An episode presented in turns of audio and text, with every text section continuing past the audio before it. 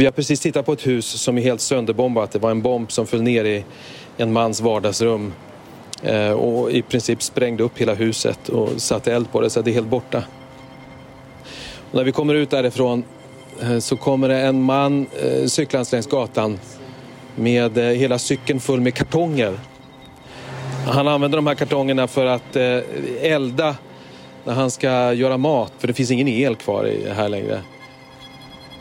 Så när han kommer närmare så börjar vi prata med honom och då knyter han sina nävar hårt och, och ropar att han hatar ryssarna. Han, han, han eh, vill döda ryssarna säger han och knyter sina nävar. Han har jättestora nävar har han. Och är, är, har bara två framtänder och luktar lite sprit. Ge mig raketer skriker han. Dai raketa. Så att jag kan döda ryssarna. Han får tårar i ögonen till och med när han står där och, och ropar detta. Sen följer vi med honom hem och han visar var han bor och var två meter ifrån honom där han satt och lagade mat på en sån liten, en liten spis som står utomhus. Slog raketen ner och small så att väggen rasade och han tappade hörseln. Och så, så gick han och hämtade sitt... Tvååriga barnbarn, sitt... en flicka och höll henne krampaktigt. Och med tårar i ögonen förklarar han att det här, är, det här är framtiden. Det är därför vi försvarar vårt land. För barnens skull. Ge mig raketer för det här så att jag kan försvara henne. Vad är mitt liv utan henne liksom? Jag är gammal och jag, jag har inte mycket att ge men det här, det här är Ukrainas framtid. Så berättar SVDs utsända Mustafa Jan och Magnus Hjalmarsson Neideman om en man de nyligen mötte i Tjernihiv i norra Ukraina. De ryska trupperna har omgrupperat sig och trots att kriget är långt ifrån över så börjar många ukrainare att återvända till sina hem. Det är torsdagen den 28 april och jag heter Erika Hallhagen. Här är dagens story från Svenska Dagbladet. Nu är vi i en liten stad som heter Mena som ligger ut med den eh, ryska gränsen. Inte alls långt ifrån den ryska gränsen. Och vi är på väg mot eh, staden Sumy. Mm. Hur är stämningen? Stämningen den är eh, lite återhållen. Men så fort de ser en utländsk journalist så är det patriotismen som väller fram. Vi kommer att segra. En ukrainsk soldat har lika stort mod och, och lika stor stridsvilja som 20 ryska soldater. Men folk rotar bland avskräden, de rotar bland levda liv, plockar upp en kopp som har överlevt i ett i övrigt sönderbombat hus. De eh, försöker att klara vardagen. Det är rätt tomt på gatorna. Många är fortfarande utanför landet eller i andra regioner närmare polska gränsen. Mustafa Jan, frilansjournalist och återkommande medarbetare på tidningen och Magnus Hjalmarsson Neideman, fotograf på Svenska Dagbladet. När ni körde in i Ukraina från Polen, vad var det ni mötte då? Ja, alltså det var ju en enorm kö med eh, bilar som var på väg in i, i Ukraina. Eh, den kön var ju nästan lika lång som den som är på väg ut. Eh, förut har det varit inga bilar på väg in och väldigt många på väg ut. Så det, det, det börjar återvända. Och det, och det är människor som har flytt eh, från sina städer och eh, återvänder till landet alltså som är tillbaka?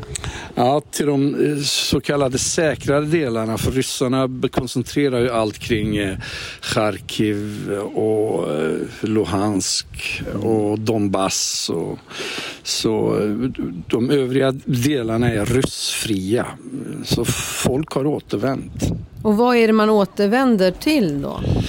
Vissa återvänder till hela städer och byar och andra återvänder till sönderbombade delar av städer. Och de, de går runt och de, de bor hos eh, vänner eller hos eh, andra hjälpsamma människor.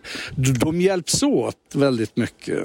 För, för vad är alternativet? Jag menar, deras land är under attack så det finns en stor solidaritet mellan människor. Det märker man väldigt tydligt. Kriget är ju långt ifrån över. Vad är det som får dem att återvända redan nu? Det är för att de inte tror att uh, ryssarna ska försöka återerövra hela landet. Och det... Just här uppe där vi befinner oss då, här finns det ju inte speciellt mycket trupp kvar längs med den ryska gränsen. De har liksom flyttat alla trupperna ner till eh, Donbassregionen. Och det är ju, samma information har ju de här människorna. De vet ju att det är hyfsat säkert att komma tillbaka. Ja. De människor ni har träffat, hur känner de inför det, det de möter? Alltså det är två saker som är rätt symptomatiska. Det första är ett enormt rysshat. Ett enormt rysshat. Det andra är eh, patriotismen. Vi ska segra. Vi är modiga, vi är starka, vi är ukrainare. Alltså även bland rysktalande, även sådana som har röstat på en rysk president tidigare. De har liksom blivit antiryssar nu. Och så märker man också det så här. Jag kommer aldrig mer att läsa Puskin eller, eller spela Rachmaninov. Liksom. Hatet mot språket, hatet mot den ryska kulturen. Det kanske låter absurt att tala om något sånt mitt i kriget men det är det kokar ner till det, vad man identifierar sig som eller vad kriget tvingar människan att identifiera sig som. Ni ska ju vara i landet i närmare två veckor för ett reportage i Kulturmagasinet. Vad, vad är det ni vill skildra? Det är lite grann av det jag sa. Det är, det är liksom, vad är ett krig? Det låter nästan som en absurd fråga. Det första som folk tänker på det är bomber och döda människor. Men vad är det bortom bomber och döda människor. Alltså exempelvis om, om, om du återvänder till en stadsdel som helt ligger i ruiner, vad, vad, vad gör du? Alltså när man rotar, vad är det man letar efter? Hur är, hur är känslan att återvända till sitt hem eller det som en gång var ett hem? Vad tänker man då? Vad, vad är ett hem? Är det en fysisk plats eller är det ett mentalt tillstånd? Vad är det man saknar främst? Och det har vi fått en himla massa olika svar på. Otroligt intressanta existentiella reflektioner det är då kriget blir begripligt. Liksom. När en 18-årig tjej återvänder till sitt hem för första gången och, och plockar upp rester och oj, en porslinsfigur. Titta, den är nästan hel mamma. Åh, här är koppen vi gav till morbror i, i födelsedagspresent. Eller mannen som hade investerat allt han hade jobbat ihop i ett hem och så var jag helt borta och dotterns leksaker låg utspridda, söndersprängda teddybjörnar och dockor och eh, plasthinkar med spadar och han gick runt och han, han var bara hatisk medan hans granne skrattade och sa vi ska bygga upp allt igen, vi ska bygga upp allt igen, skitsamma. De ni har träffat, vad har de gemensamt? Är det hatet? Ja, alltså det är det. För det är olika öden och det finns massa berättelser där ute i det här. Men det som är gemensamt det är hatet, det är det faktiskt. Och den extrema patriotismen det tar ju tre, fyra generationer brukar man säga innan ett krig går ur en släkt. Så det här kommer ju att påverka människor långt framöver.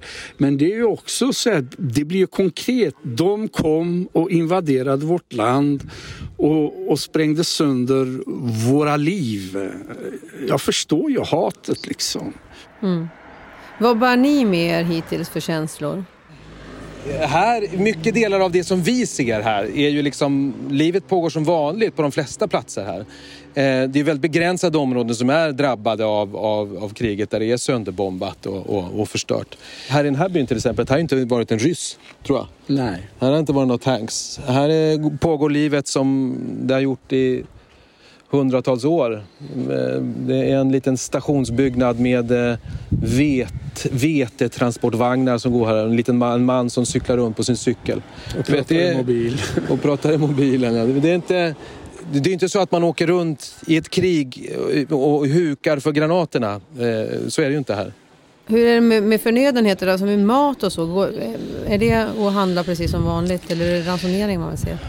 Alltså det går att handla mat på de flesta ställen. Vi, vi, eh, det har gått att äta på restauranger och det har gått... Eh, det varit lite snålt på restauranger igår mm. i Tjernihiv. Men det var också för att det var påsk. påsk. Det var, eh, påsk. De, den ortodoxa påsken inföll en vecka efter våran påsk. Så det var påskstängt. Bensinen är ransonerad. Man får bara tanka 20 liter åt gången för det mesta. Inte alltid, ibland. Så att man får hålla på och tanka hela tiden. Och... Och så kommer det ju hjälptransporter eh, och då är det långa, långa köer. Det är barnkläder, det är kex, det är eh, mycket värktabletter, huvudvärkstabletter och eh, magsårsmedicin. Blöjor, intimhygien för kvinnor främst. Där är det långa köer. Och det kan man ju säga att gästfriheten här i Ukraina är fantastisk. Det är ingenstans man går utan man blir bjuden på te eller kaffe eller sådana här påskbröd har de bjudit på också. Det är, det är en slags eh, en sockerkaka kan man väl säga. Med lite garnityr på. Det är som en traditionell påskbröd eh, som de bakar och som de gärna vill bjuda på. Och så vill de bjuda på sprit också, men vi avstår. Ibland i alla fall. Tack så jättemycket Magnus och Mustafa. Ni ska få fortsätta nu er resa i Ukraina. Ha det så bra så länge. Tack, Tack, så mycket. tack. Hej.